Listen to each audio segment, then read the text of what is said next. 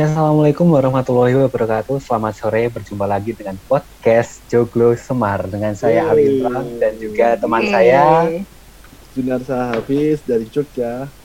Dan uh, kali Saya. ini edisi spesial ya. Uh, di sini ada uh, salah satu nasabah dari Dana Reksa Sekuritas yaitu Bu Ilya. Yulia. Halo, Halo, Yulia, apa kabar Bu? Selamat sore. Waduh, tuh, tuh, tuh, tuh, tuh, tuh. Ramai sekali ya. Mas Hafiz, dan teman-teman yang ada di IG Live. Salam Ya. kenal dari saya, saya Ilya, saya tinggalnya di Tangerang, Jakarta. Eh, Oh, bukan di Jakarta ya, wajar. Banten, sekali. Banten. Banten. Rumahnya rapi sekali, Ibu. Backgroundnya, backgroundnya, background. Backgroundnya, backgroundnya. Backgroundnya, Betul Nah, uh, ini edisi spesial ya karena uh, sebagai perkenalan juga Ibu Lia ini adalah salah satu uh, ibu rumah tangga sekian dari sekian banyak ibu rumah tangga yang ada di Indonesia. Ibu Lia ini menjadi salah satu ibu rumah tangga yang aktif di pasar modal khususnya Iya. untuk seorang trader seperti itu Mas Hafiz ya. Betul banget. Jadi Bu Ilya ini salah satu eh, apa ya nasabah inspirasi di BRI Dana Reksa khususnya di Jogja sebenarnya. Oh Iya. gitu ya, aduh. Iya malu dong. ya, ya semoga Nyubi, nyubi. eh, ha- di hari ini nanti Bu Ilya bisa membagikan tips dan triknya ilmunya kepada teman-teman yang menyaksikan eh, podcast pada hari ini ya Bu ya. ya, mudah-mudahan Oke. eh, sharingnya nanti berguna dan bermanfaat buat teman-teman. Terutama yang Nah. baru mau mulai seperti saya. Hmm. Nah Bu itu di disapa dulu Bu teman-temannya ya ya. Oh iya, teman-temannya udah muncul ya. Di saya Oh, kok belum udah. kelihatan ya. Ya, Tunggu, tunggu. ya terima kasih Pak Japat, Bu Cynthia. Ya ini kayaknya ini eh, perkumpulan mak-mak trading ya. Ada mak trading. Eh, udah pada heboh ya. Ya udah mulai kelihatan sih yang mana ya? Eh, Sebentar. Mas Imran, se- Iya. eh, seperti biasa sebelum kita mengorek-orek Bu Ilya nih, jadi kita hari ini bahas dulu bekal buat besok dan juga review market hari ini. Oke, Mas siap. Imran dulu Mas. apa saya dulu nih? Oke, jadi eh, sedikit review market hari ini ya Mas ya. Eh, untuk ISG ini sangat kuat ya setelah kemarin dua hari eh, banyak yang wait and see. Setelah sekarang naik kemungkinan juga masih hanya see aja ya, hanya lihat-lihat aja. Turun Iya, karena juga nggak ada modal. masih ya. nunggu sementara naik ya cuman dilihat aja. Nah, nah, eh, setelah dua hari kemarin itu mengalami penurunan, eh, IHSG hari ini eh, sangat kuat tutupnya itu eh, ditutup di 6.087 atau naik sekitar satu setengah persen Mas Hafiz. Jadi Mantap Uh, ya. Di sini ada 443 saham yang mengalami kenaikan, sementara yang mengalami penurunan itu ada 254 saham dengan volume itu uh, 17 uh, juta lot, 17 juta lot, uh, 17 miliar lot ya dengan value-nya itu 12 triliun. Wah, ini sangat ramai sekali gitu Mas Hafiz. Nah, Oke. uh, kenaikan IHSG itu juga dipengaruhi beberapa faktor ya. Salah satunya itu uh, dari uh, ini ya dari pemerintah yang di mana uh, dari pemerintah ini uh, membatalkan uh, lockdown yang sebelumnya itu di di ini ya dijadikan uh, salah satu opsi apabila uh, kasus COVID-nya itu melonjak biasanya kita kena lockdown kan seperti itu. Nah uh, hanya saja uh, tadi ada berita bahwa lockdownnya ini tidak dilakukan karena uh, nanti ditakutkan akan menghambat proses ekonomi uh, di Indonesia seperti itu. Nah, uh, selanjutnya untuk bekal buat besok Mas biasa di sini ada uh, satu dua tiga empat lima ada lima saham Mas Hafiz. Uh, Mas Hafiz udah buka chart belum? Eh, sudah Mas, sudah. Saya Oke, mah siap. selalu selalu sigap ya. Oke siap. Ah, jadi mungkin Mas Hafiz bisa dibantu Mas. Yang pertama untuk BBKP Mas. Oke, BBKP ya. BBKP ini cukup menarik Mas Imron. Kalau kita Hmm. amati volume perdagangan hari ini, itu dia eh, volumenya mengalami eh, lonjakan yang cukup tinggi juga di atas eh, volume rata-rata hariannya. Kemudian kalau di dilihat dari eh, indikator tadi eh, golden cross di area oversold ya. dan ini mengindikasi bahwa saham ini ada potensi menguat uh, dalam waktu besok ya. Kemudian uh, saya kira dari uh, indikator akumulasi distribusinya pun juga masih uh, bisa menguat. Untuk targetnya seenggaknya dia bisa bergerak sampai ke area 480 Mas. Itu okay. untuk BBKP. Oke, itu untuk BBKP ya Mas ya. Lalu selanjutnya Apalagi setelah BPKP ada ini Mas uh, LPPF. Nah LPPF ini kan menarik Mas kalau misalnya kita lihat dari uh, kebijakan tadi yang uh, membatalkan lockdown. Oh. Uh, LPPF ini bagaimana Mas? Nah, kalau LPPF ini memang uh, ada potensi menguat ya, tetapi uh, mungkin Mas Imam nanti bisa cek kalau misalnya saya salah, memang uh, LPPF ini uh, untuk uh, broker summary-nya agak lemes ya, agak lemes. Tetapi uh, selain itu ada faktor lain sebenarnya yang uh, membuat LPPF ini naik selain sentimen uh, tadi yang dibatalkannya lockdown. Kemudian semakin ke sini itu uh, daya beli masyarakat juga semakin berangsur-angsur membaik ya sebenarnya. Kemudian kalau dari secara teknikal memang uh, apa namanya dari indikator stokastik maupun MACD ini juga uh, masih uh, netral menguat untuk target harganya untuk uh, eh, LPPF ini uh, dia ada resist yang cukup kuat di area 1950 Mas Impon. Jadi kemungkinan dia akan bergerak ke 1950 gitu. Oke, itu untuk LPPF jadi bisa dicermati sampai paling tidak ke harga 1950 ya Mas 1950. ya. Nah, selanjutnya ada ISAT Mas ini salah satu saham telekomunikasi yang uh, paling menarik ya menurut saya ISAT ya. ini ya. Nah kalau ISAT ini memang uh, dia sudah uh, ini ya berada di uh, area cukup tinggi. Dia sudah uh, mencapai lebih dari 7.000 sudah menyentuh uh, all high time-nya.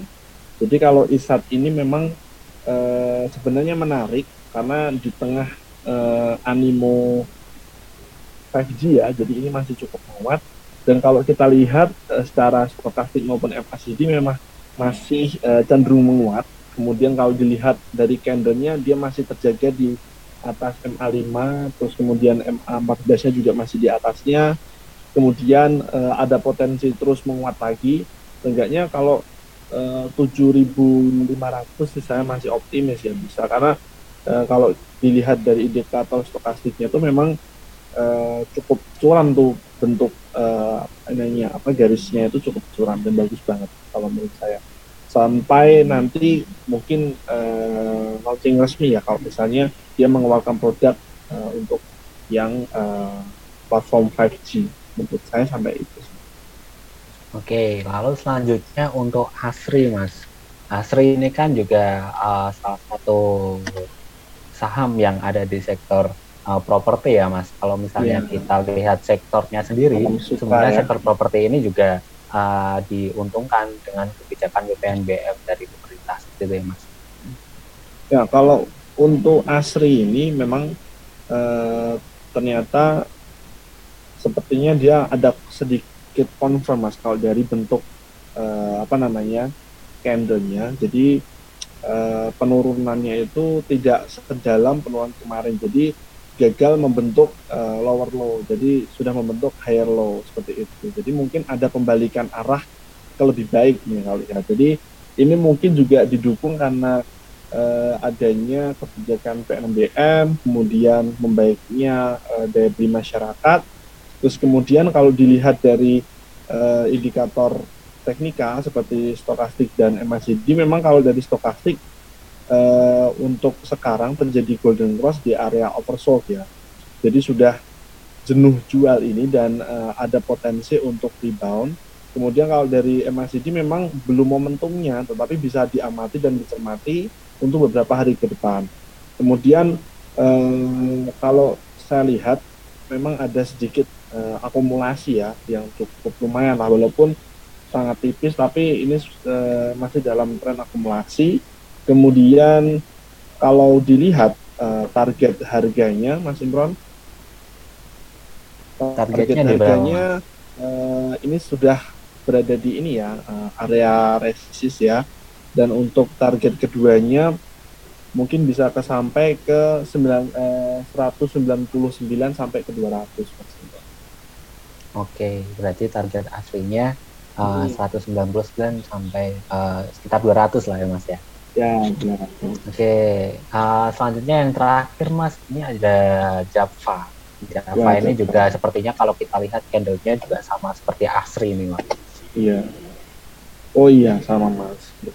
Tapi kalau eh Java ini mungkin datanya confirmnya jauh lebih enak ya, karena kita lihat eh tren harganya itu memang eh, sedikit yang saya melihat tuh lebih baik gitu. Nah kalau Java sendiri sebenarnya sama sih Bon. Lihat dari stokastiknya itu memang dia eh, sedang berada di area oversold dan sangat Hmm.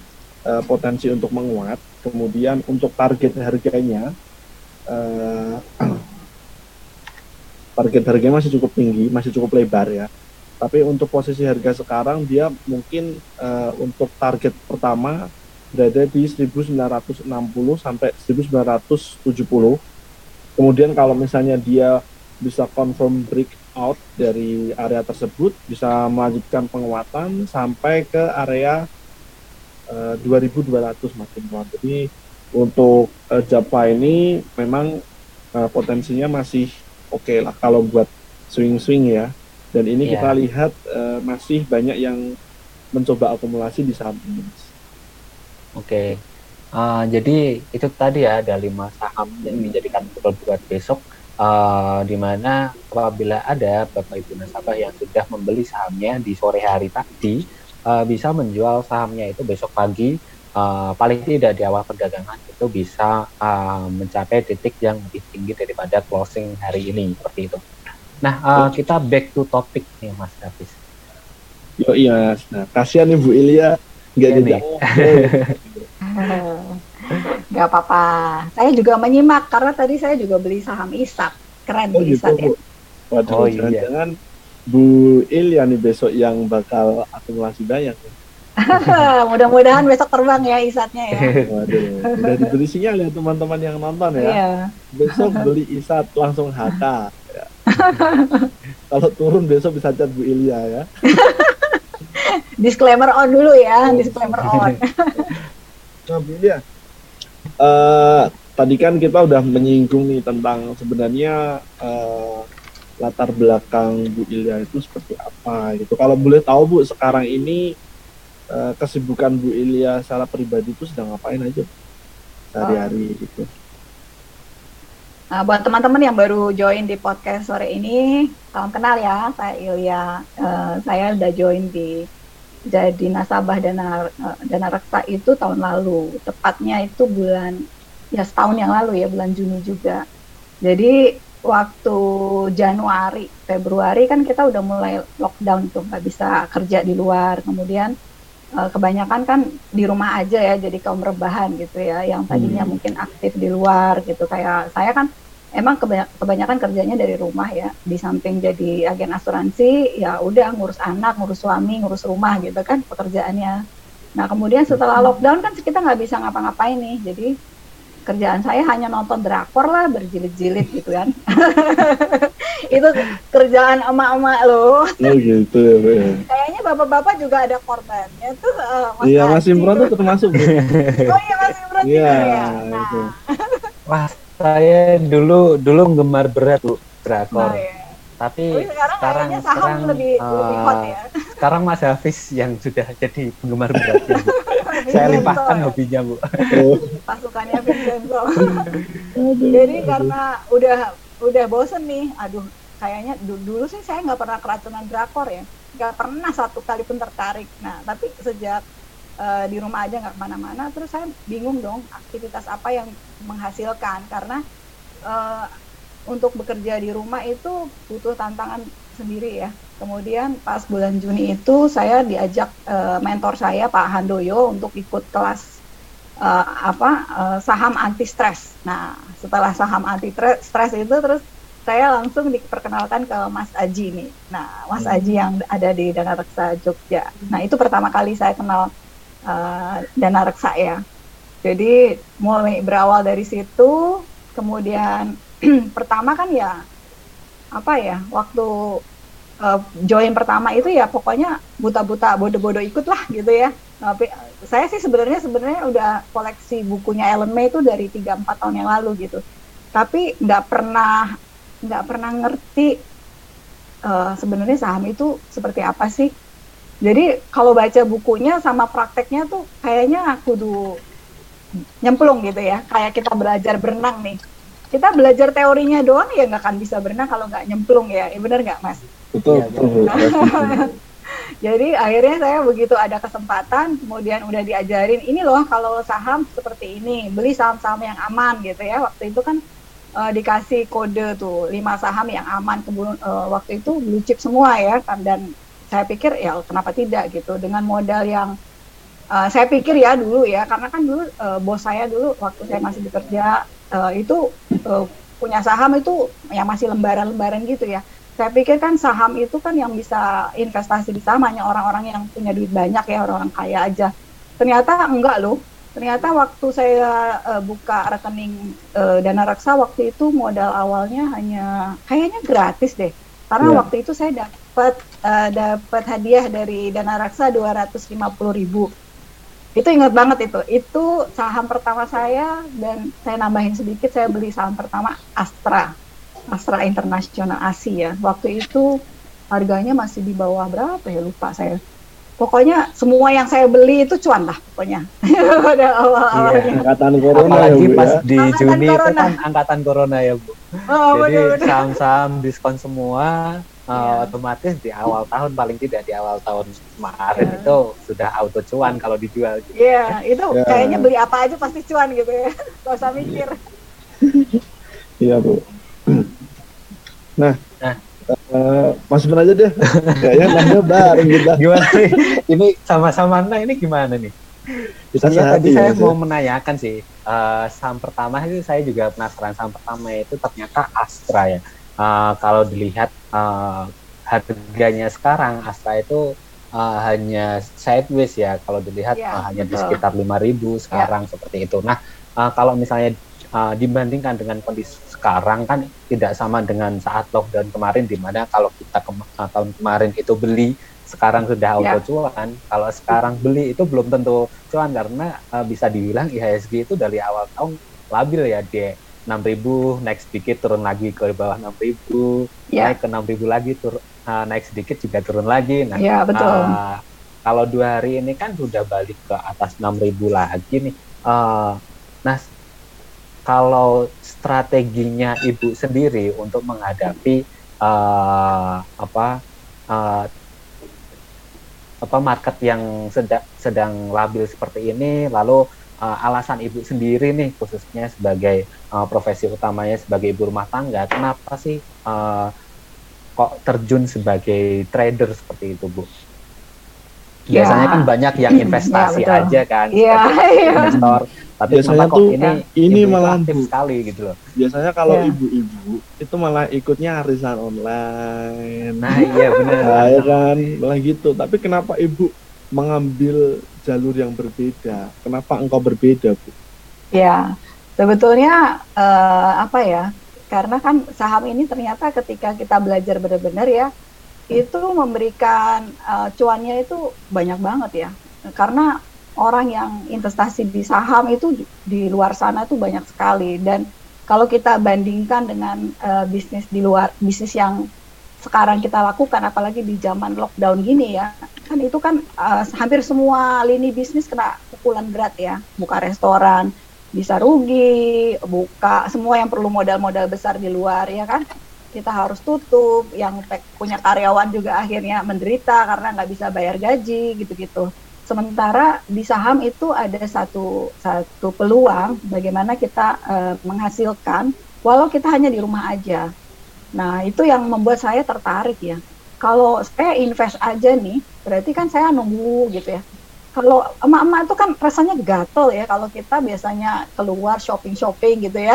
Terus wah uang saya terbatas ya waktu itu kan saya mulai dengan uh, uang kecil gitu ya saya sisihin setiap ada uang lebih dari uang belanja saya sisihin untuk membeli saham-saham uh, saham-saham yang uh, blue chip ya saham-saham yang aman gitu ya tapi uh, saya kok lihat di grup gitu wah kok pada cuan ini cuan itu gitu kan akhirnya saya memutuskan kayaknya nih uh, saya harus belajar belajar lagi deh kayaknya nggak cukup ilmunya sampai sini jadi pada saat itu belajar trading ya nah mencoba bagaimana uh, membagi porto nih tema kita kan hari ini kan porto nih uh, hmm. tentang porto manajemen nah Nah pada saat itu tuh saya tertarik banget bagaimana uh, kenapa sih orang-orang itu bisa trading ya?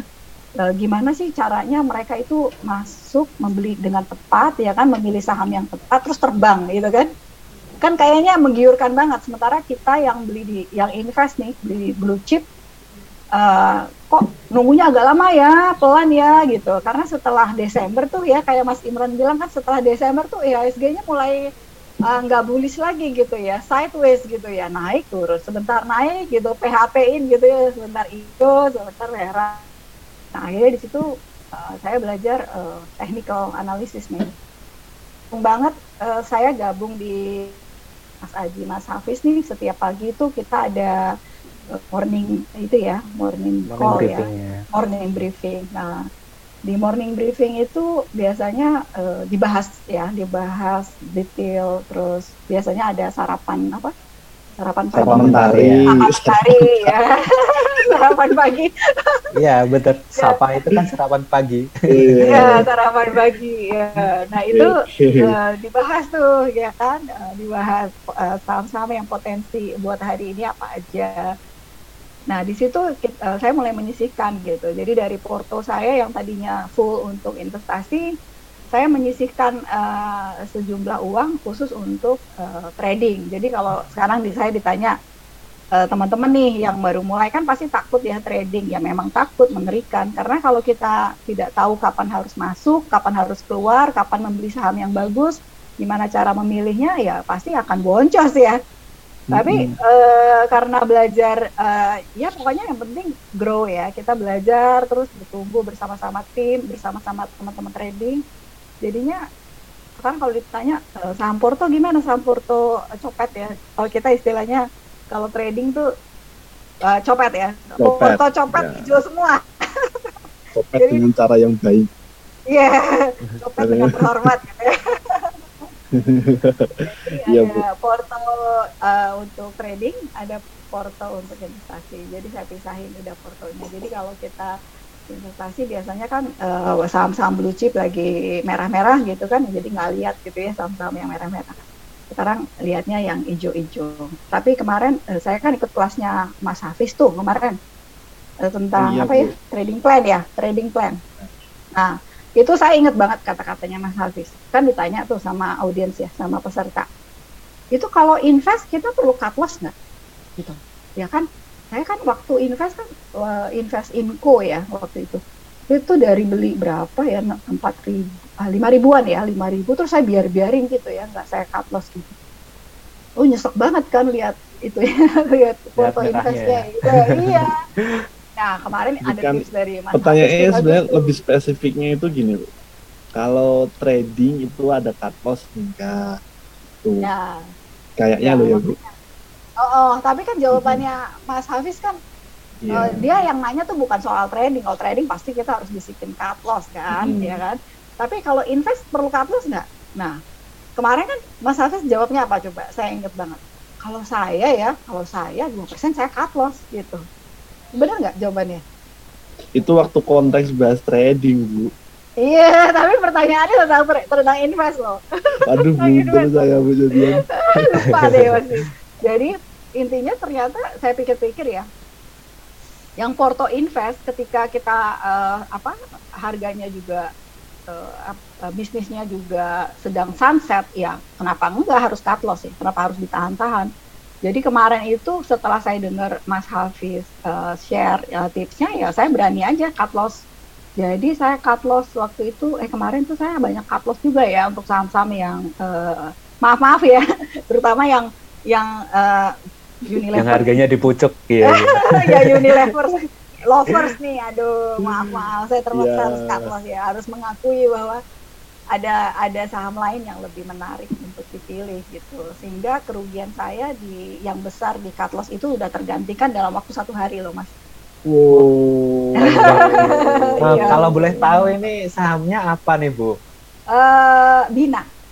Dina. Hmm. Oh, Oh, oh. iya, jadi uh, memang beberapa minggu terakhir ini uh, di market memang sedang hot banget ya. Ini bank digital. Lalu baru kemarin itu uh, ditambah saham-saham farmasi itu Iya. juga sedang hot. Apalagi Iya. uh, kalau misalnya kita lihat bank-bank digital ini sudah mulai naik isu Ya. uh, untuk menambah modalnya. Uh, lalu uh, masih investor ini masih nunggu launchingnya nih Bu. Kalau Iya. terkait bank digital itu nanti uh, goalnya itu adalah di launching uh, ininya ya, launching apa bank digitalnya seperti vaksin dulu. Uh, selesainya uh, saham-saham farmasi itu ya setelah vaksin mulai mulainya ya. ya, di start itu uh, baru turun. Nah ini juga sama sepertinya bank digital itu juga sama. Jadi nanti goalnya itu adalah saat mereka itu sudah launching uh, bank digitalnya seperti itu. Ya. Ini kayak ini loh mas, waktu mungkin awal tahun ya, akhir tahun sampai awal tahun waktu eh, Bank Syariah Indonesia itu loh mau merger Ya itu betul. kan, Ya, saya kena betul. juga tuh. itu waktu itu kan sebenarnya saya sama Mas Imran bu, itu kita janjian beli dari harga 300 rupiah loh bu. Oh, Iya, wah, udah cuan kita punya. tumpah-tumpah dong. Iya, Iya sebenarnya itu saya mau jual rumah tapi saya nggak punya rumah. Kalau di grup kan kita udah ngomong gini, ayo gadain apa nih, gadain apa lagi, gadain rumah, mobil Tahu tetangga, gitu ya. gadain Kalau gitu rumah tetangga juga jadi tuh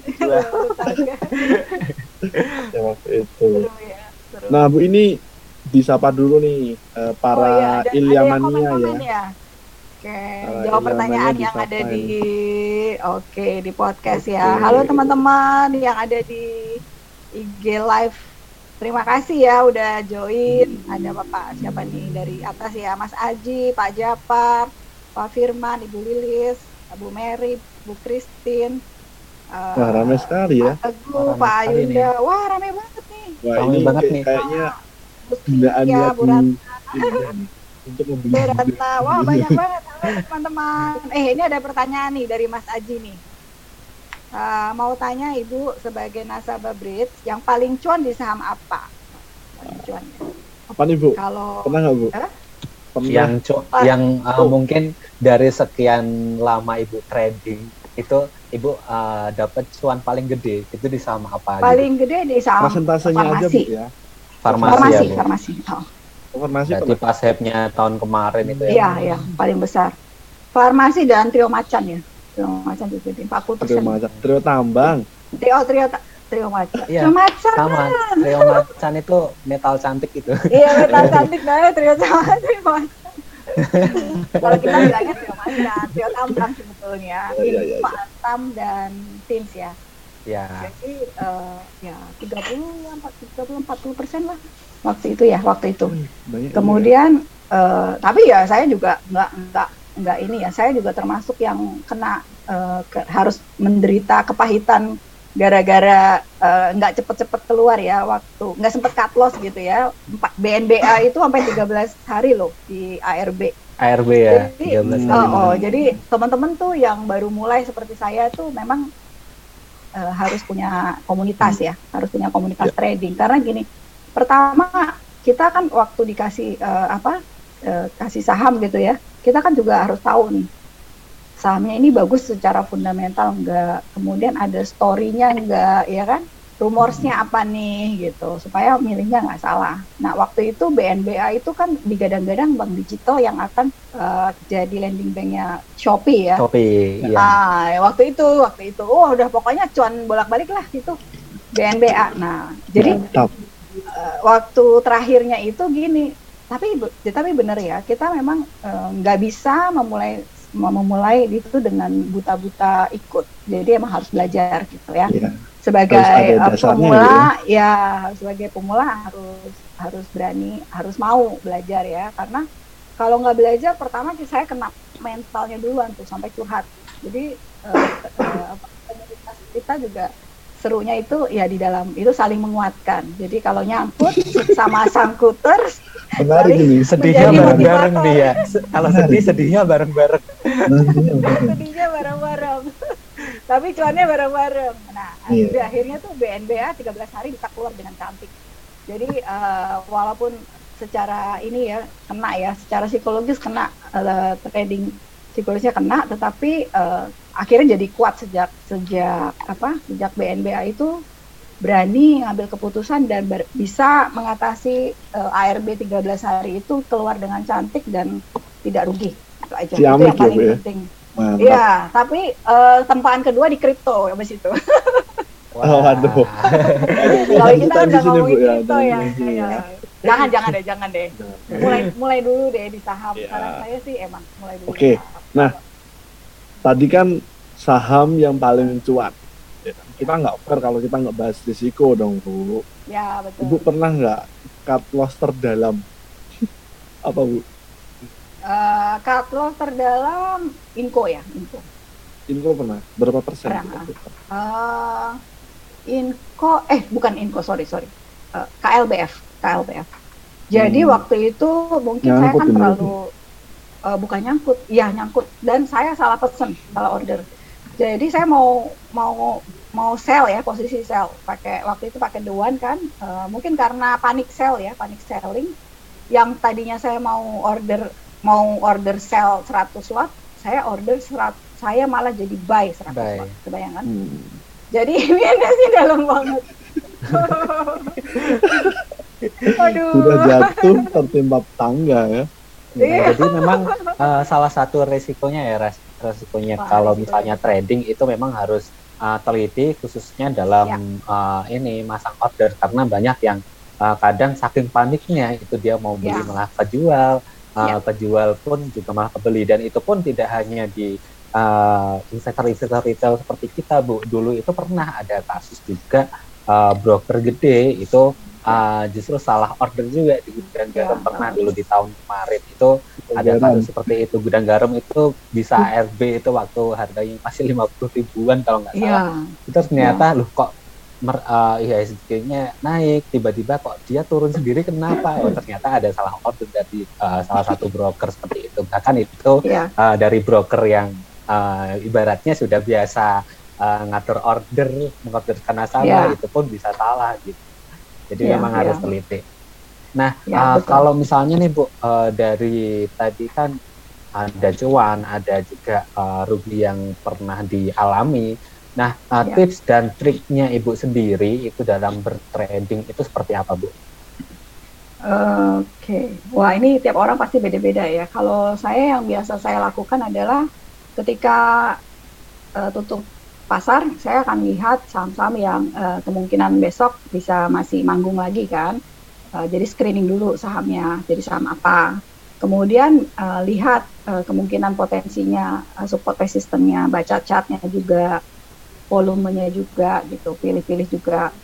Nah, setelah itu besok pagi biasanya sudah ada update tuh di grup uh, apa laporan komoditas berapa harganya, call berapa gitu ya kan. Uh, harga pasar dunia apa, berita apa. Kemudian kadang-kadang pagi-pagi sudah ada koran pagi tuh. Ya kan, koran yang jadi hot hari ini apa nih di koran gitu. Biasanya kalau uh, yang jadi uh, ada corporate action, kemudian yang ada ceritanya di koran yang masuk koran hari ini, biasanya hari ini manggung. Nah, jadi biasanya seperti itu. Kalau sudah ada itu saya sudah buat buat trading plan. Nah, sebelum masuk ke pasar memang eh, ha- wajib membuat trading plan. Walaupun kadang kayak kemarin dua hari lalu ya waktu IHSG ambiar ya trading plannya ya ikut buyar gitu kan karena panik selling ya. ya Nah, tetapi eh, sangat membantu dengan adanya eh, trading plan kita lebih selektif ya. Jadi kita nggak perlu nguber-nguber banyak saham, cukup sehari eh, saya lihat dua tiga saham yang memberikan potensi cuan oke ya. Ya kenapa enggak gitu kan? Nah, kalau ada saham yang memberikan eh, tiap hari 10 sampai kadang bisa arah ya 25%, wow. Sekarang taruh bunga eh, depo apa bunga deposito aja baru berapa tiga persen ya? Tiga setengah 3,2 persen lah Bu Mas. ya tiga setengah persen.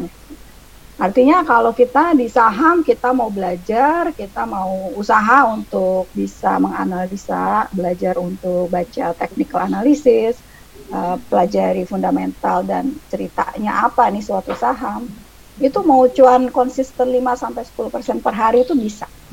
Bisa. Ya, ya kan? Jadi uh, yang penting uh, disiplin aja sih kalau saya ya, disiplin dan uh, jangan terpengaruh sama pom-pom gitu Walaupun saya tukang pom-pom ya. Wah ini ketua pom-pomnya di ketua pom-pom ya. Buzzer saham nih. Tapi gini loh, kadang kadang-kadang gini, kita kan butuh teman gitu kan. Kita kan pengen temennya juga cuan gitu ya. Kalau kita nggak bagi-bagi kode kan, kalau temennya nggak tahu mau beli apa hari ini nggak ada ide kan, dapat ide kan lumayan ya. Jadilah uh, itu ide copet tiap hari gitu kan. Nah ini ada pertanyaan menarik nih Bu uh, terkait dari, yang tadi sudah diceritakan dari ya. uh, Ed Febri Juardi Soraga menyikapi CL paling dalam ibu gimana dan bisa bangkit lagi itu gimana gitu Bu. Jadi misalnya nih kayak yang BNBA itu kan ARB sampai 13 hari nih. Ya. Tipsnya ibu mengatasi saham tersebut agar bisa keluar kok bisa nggak rugi itu ya. uh, caranya gimana gitu? Uh, waktu itu saya memang nangis ya sebagai mama nangis. Aku rasa berharap. Yang pertama dilakukan per, uh, berarti nangis. Nangis adalah mengakui, hal pertama yang harus mengakui dilakukan. Mengakui kesalahan ya kan. Yeah. Uh, mengakui kesalahan bahwa saya saya juga bisa salah gitu kan. Kita juga bisa salah. ya wajar dong mama kan yeah, itu buat kita apalagi kan nyisihin uang uang uang uh, uang dingin ya uang belanja nyisihin tuh tiba-tiba ambiar gitu kan nah masuknya lagi gimana? Cara ngatasinnya ketika sahamnya itu dibuka ya kan ketika dia sudah nggak ARB lagi kan dia rebound gitu ya. Yang penting yang penting pada saat kita secara psikologis udah kena nih kalah gitu ya. Artinya kita udah harus mengakui uh, salah nih. Kita harus mendinginkan dulu. Harus cool down gitu ya. Jangan kadang kan kita mau balas dendam nih ya. Karena kita salah di satu saham kita pengen saham saham lain terus dihajar gitu ya. Eh, Nah ini cool down dulu keluar dari market, saya uh, review-review, kita pelajarin dulu gimana cara keluarnya, kemudian ketemu tipsnya itu. Jadi waktu dia rebound ya kan, dia terbuka sahamnya, itu kan kemudian naik tuh harganya.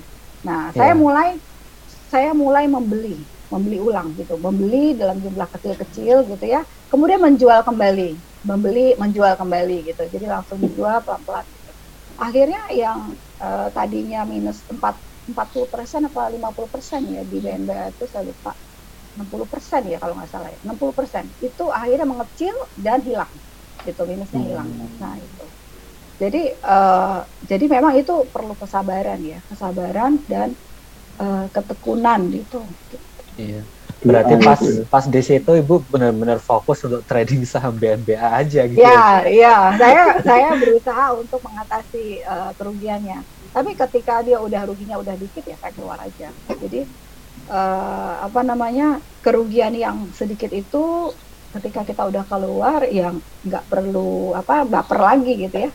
Toh ada saham lain setiap hari itu kalau kita ketinggalan istilahnya ketinggalan kereta ya nggak sempat beli yeah. satu saham gitu ya sahamnya udah naik tinggi gitu ya nggak perlu di Uber ya. Nanti yang ada kita beli di pucuk sisanya cuci piring gitu istilahnya nah, kita ya, iya, ya cuci piring doang nih Gitu. Nah, uh, bicara tentang cuci piring juga nih Bu. Uh, kalau menurut Ibu sendiri itu sulit nggak sih Bu uh, membagi waktu antara uh, uh, Ibu sebagai uh, trader ya, sebagai trader lalu tugas seorang ibu salah satunya cuci piring ini tadi bu. Iya iya iya. Nggak bu untuk bagi Wah, waktu so soal cuci piring ini memang saya pernah nih waktu trading ya. Jadi sekali lagi trading jangan ditinggal apalagi trading nyopet ya. Jadi waktu saya beli saham temas ya temas ya T M A S pada saat itu kan uptrend ya. Nah, saya lupa tuh pasang trailing stopnya, jadi saya lupa pasang cut lossnya. Jadi uh, saya benar-benar cuci piring, pergi ke dapur, dalam waktu cuma 15 menit santai masnya udah air loh. Waduh, ini ditinggal cuci piring. Oh, beneran cuci piring. di saham pun juga ikut cuci piring ya, Bu. Ikut cuci piring. Tahu nggak Bu, ARB itu artinya apa, Bu? Uh, apa tuh? Aku raiso berharap. Aku raiso. Kalau arah apa arah? Arah belum ketemu Mas Impon biasanya punya. Aku raiso tapi belum kadang gini nanti loh aja Eh, tapi kita gini loh ya, kita gini loh, kan kita kan trader ya, kita mau selalu cuan. Saya selalu ditanya sama teman-teman nih di room, "Eh, hari ini lo beli apa? Hari ini kamu beli apa gitu ya? Hari ini saham apa yang naik? Ya kalau saya tahu itu saham sampai arah, pasti saya udah jual rumah, jual apa ya? iya iya kita kan Ya. kadang nggak tahu itu saham bakal jadi arah. Makanya eh, kita harus atur eh, money manajemennya, atu- eh, bagi resikonya. Jadi jangan satu peluru di satu saham ya. Takutnya kalau dia saham-saham yang arah pasti juga dia akan ada resiko dia ARB. Jadi harus siap mental untuk kejar-kejar saham-saham yang arah otomatis harus siap mental dia akan suatu waktu akan jadi ARB. Jadi lebih aman memang saham-saham yang dipilih oleh Bridge ya. Kalau saya baca itu semua saham-sahamnya aman tuh. Biasanya kalau di morning call doang tuh ada saham-saham gorengan ya, itu tambahan aja disebutin sih ya Bu. tambahan menu. itu tambahan menu kalau misalnya kita uh, ibaratlah uh, kita sudah kenyang dengan nasi padang biasanya kita ngemil-ngemil deh ngemil-ngemil Nah, di iya. gorengan gitu Kemil-kemil berapa persen biasanya kalau masuk? ya tergantung sih bu tergantung sih bu Lumayan ya. Kayak tadi kan Mas Hafiz ngajakin beli apa tuh? Buat beli cinlok besok ya. iya tadi tuh eh, sebenarnya dari kemarin sih ya eh, ke TPAG ya TPAG karena saya melihat kok eh, akumulasinya sudah mulai TAPG bergerak. sepertinya mas. TAPG T- ya TAPG TAPG abis itu dari kemarin kan. Terus sampai sore itu kok sepi seperti itu ya. Nah pas hari ini mulai bergerak itu ternyata eh, direkomendasikan juga oleh tim riset kami gitu. Akhirnya nah ya berarti bagus juga gitu. ya seperti itu Bu. Iya. Iya, iya, iya. Eh, Ini ada pertanyaan nih Mas dari Oh, Ibu iya. Ratna nih ya. Pertanyaannya eh, setiap hari kan banyak tuh rekomendasi saham ya. Nah, biasanya bridge itu ada yang buat day trade ya kan. Swing ya ada trade. day trade swing trade setelah lalu trade trade juga Nah, terus sementara saya bikin watchlist dong gitu. Teman-teman pada ngeliatin tuh watchlistnya naik-naik naik, gitu. Apakah semua saham yang ada di watchlist itu saya beli? Ya enggak lah. Kecuali duitnya banyak ada serinya ya enggak? Biasanya saya eh, dari watchlist ini menjawab pertanyaannya Bu Ratna ya. Eh, biasanya kalau saham-saham yang dari watchlist itu yang direkomendasiin itu beli nggak? Eh, saya biasanya beli satu dua saham eh, dua atau tiga saham. Jadi yang saya kasih watchlist itu rata-rata saya punya gitu ya. Antara yang buat trading atau yang saya buat buat swing trade gitu. Misal contoh eh, Bina kan saya tadinya buat trading tuh. Hmm. Eh, jadi saya ini apa? eh, saya jadiin eh, eh, swing trade ya, bukan bukan copet gitu. Itu jadi tidak semua saham harus dibeli lah, kecuali kita uangnya nggak ada serinya ya. Silakan Ya. aja. bisa cetak Nah. sendiri ya bu ya Bisa cetak duit sendiri ya boleh. Iya, boleh. Ya. Nah, eh, selama menjadi seorang trader ini, Bu, kalau dari rata-rata penghasilan Ibu sendiri, penghasilan tambahan dari tradingnya ya, Bu, dari total modal, eh, dari total modal per bulannya itu Ya. bisa bertumbuh berapa persen, Bu? Eh, kalau tahun lalu mungkin karena tahun lalu bullish ya, itu Ya. 30% ya. Wow. Itu lumayan ya, puji Tuhan ya. 30%. Itu untuk pemula selama 6, 6 bulan ya, tapi ya sahamnya ya bukan saham saya juga jarang beli saham gorengan tahun lalu ya, karena nggak ngerti gitu. Yang saya tahu hanya saham-saham blue chip, saham-saham yang aman, yang direkomendasikan teman-teman yang dari eh, dana reksa gitu. Nah tahun Hmm. ini udah belajar trading, udah lebih berani, kemudian udah mulai bisa membaca eh, chart dan ada news, ada corporate action, saya udah mulai berani lirik-lirik saham di eh, layer kedua, ketiga ya, papan kedua, ketiga. Jadi bukan blue chip doang gitu, bukan LQ45 aja. Ya kalau konsisten sih konsisten ya 3 sampai 5 persen per hari ya Mas. Kalau itu pertanyaannya Hmm. persennya. Berarti eh, dari dari total modalnya itu per bulan bisa lebih dari 20% ya, Bu, pertumbuhan Ya enggak juga kan ya. ada yang boncos juga Mas. Nah, itu Tapi eh, kalau di kalau kan kita, kita harus jujur dong gitu biar teman-teman yang yang yang baru mulai nih jangan cuma mikirin cuannya doang gitu ya. Ya, betul. Karena saham itu pasti ada eh, ini Resikonya juga, ya. ada resikonya dan eh, kalau mau balance ya 10 se- 5 sampai 10 persen per bulan itu menurut saya udah hebat banget ya. Karena eh, kan ada juga kita dari misal kita dari membeli lima saham pasti ada dua tiga saham yang salah ya salah pilih ya. Dan itu harus brand cut kalau trading kan. Nah dari dari misal kita beli lima dua yang salah tapi kan tiganya memberikan cuan lebih besar daripada ruginya kan. Jadi ya kalau kita salah memilih dalam satu saham ya memang harus cepat-cepat keluar ya. Jangan banyak harap gitu. Kayak kita kan eh, suka kasih motivasi itu nanti naik lagi tenang aja Padahal Iya. itu informasi yang sesat ya. semua semua yang naik pasti akan turun yang turun akan naik ya kan itu Nah, kan iya. prinsip yang benar itu Oke, sip. Oke Bu, Nah. mungkin eh, Mm-mm. sambil menunggu teman-teman lagi yang mau bertanya, ya kan? Ya. Karena mungkin waktu kita juga sudah menunjukkan eh, jam, ya kan? Jam Nah, ini- 4 ya.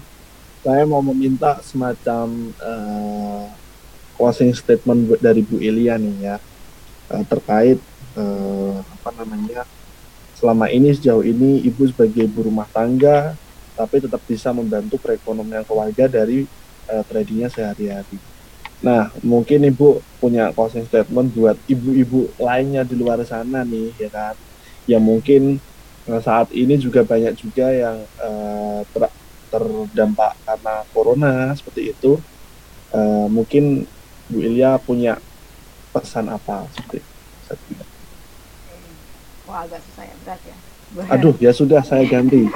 Teman-teman teman-teman mungkin em, mikir saya tuh udah lama ya di saham sebetulnya saya nih eh, di pasar saham juga baru pemula ya saya juga bisa seperti ini itu kan juga karena mentor-mentor saya gitu ya ada Pak Handoyo, Pak Robin, ada Mas Aji, ada Mas Hafiz, ada Pak Firman, ada Pak Probo, ada eh, teman-teman lain lah yang di komunitas eh, trader trading kita ya.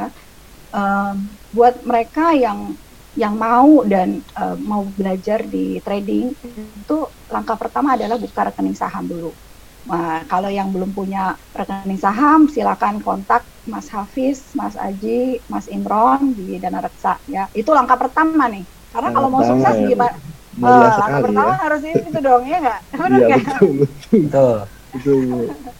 dan nggak perlu pakai modal yang besar gitu. Jadi jangan jadi sebagai pemula start small gitu ya. Mulailah dari uh, modal yang kecil, belajarlah sampai bisa, kemudian silahkan kalau udah uh, apa ya, kalau udah mahir gitu mau pakai modal besar oke. Terus yang kedua jangan pernah uh, berhenti belajar karena uh, uh, banyak orang itu memberikan kontribusi yang baik kode-kode saham yang bagus ya. Tetapi kalau kita kita nggak tahu tujuan kita investasi di saham, tidak tahu eh, apa yang kita beli dan tujuannya untuk apa, itu sahamnya apa, itu nanti akan berdampak eh, ini ya jelek ya. Karena kalau kita buta-buta ikut, kadang gini, kadang kan kalau saham di pom-pom kan nggak di, di pucuk harganya ya, ya nggak? Iya, Nah, iya, kalau iya. kita salah strategi, kita masuk belinya di udah deket resisten, yang ada kita masuk eh, sahamnya turun, yang ada kita minus gitu. Nah, hal-hal seperti itu eh, kayaknya perlu. Yang terakhir adalah eh, money management. Jadi waktu kita memulai, di samping kita memulai yang kecil dan memulailah dengan porsi misalnya jangan banyak-banyak dulu mencoba membeli saham. Kalau modalnya kecil, misalnya kayak saya dulu eh, waktu saya mulai kan dari 500 ribu kemudian jadi 5 juta itu hanya tiga saham yang saya beli hanya Astra, eh, BBRI dan Pewon kalau nggak salah dan itu semua eh, rekomendasi dari eh, dari komunitas kami gitu ya. Jadi dari, dari yang start small kemudian sudah PD kemudian nah barulah berani yang rebusan, yang gorengan, yang kakap. Itu. gorengan. Oke, oke, oke, oke. oke. Oke, jadi uh, kesimpulannya yang pertama uh, pastikan dulu tujuan investasinya, asal jangan ikut-ikutan juga biasanya banyak nih awal-awal uh, yang tertarik uh, tergiur karena kenaikan harganya tinggi namun tidak mengetahui sebenarnya itu sahamnya apa kenapa kok bisa ya. naik lalu potensinya ya. bagaimana itu juga harus ya. dipelajari uh, lalu juga yang terpenting juga tadi ada money management juga ya Bu ya kalau misalnya ya. mau awal mula kita start uh, from small Lalu kalau misalnya udah uh, yakin dengan analisis kita sendiri, kita bisa tuh uh, menambah modal karena bisa dibilang uh, modal ini nomor dua. Yang pertama adalah konsistensi profitnya ya. gitu ya bu ya. Iya betul betul. Dan jangan okay. lupa buka rekening ya. Ya benar. Jadi jangan lupa buka rekening. Dari nah itu itu paling karena uh, tadi di statement awal bahwa uh, kalau kita mau belajar berenang ya kita harus berenang. Uh, tidak ya. cukup untuk uh, belajar teorinya saja. Jadi uh, di investasi saham khususnya di pasar modal juga sama. Uh, kita mau investasi juga harus terjun agar kita tahu uh, seberapa dalam nih resikonya, lalu ya. seberapa bermanfaat investasinya seperti itu. Ya betul, betul. Oke, okay. nah ini uh, seru banget nih Bu, Il ya. Bu Ilya uh, sore ini uh, kita ada podcast yang uh, sangat inspiratif ya uh, di mana ada seorang ibu yang uh, berprofesi utamanya itu ibu rumah tangga namun bisa menghasilkan uh, tambahan uang untuk jajan anak-anaknya itu dari uh, pasar modal khususnya hmm. sebagai trader wah ini keren banget uh, semoga uh, podcast kali ini itu bisa uh, menginspirasi uh, khususnya ibu-ibu nih ibu-ibu atau calon-calon ibu yang uh, iya. yeah. menonton podcast uh, kami pada kali ini semoga bisa menginspirasi lalu bisa menambah motivasi untuk berinvestasi khususnya di pasar modal seperti itu Mas Davis ya. Betul.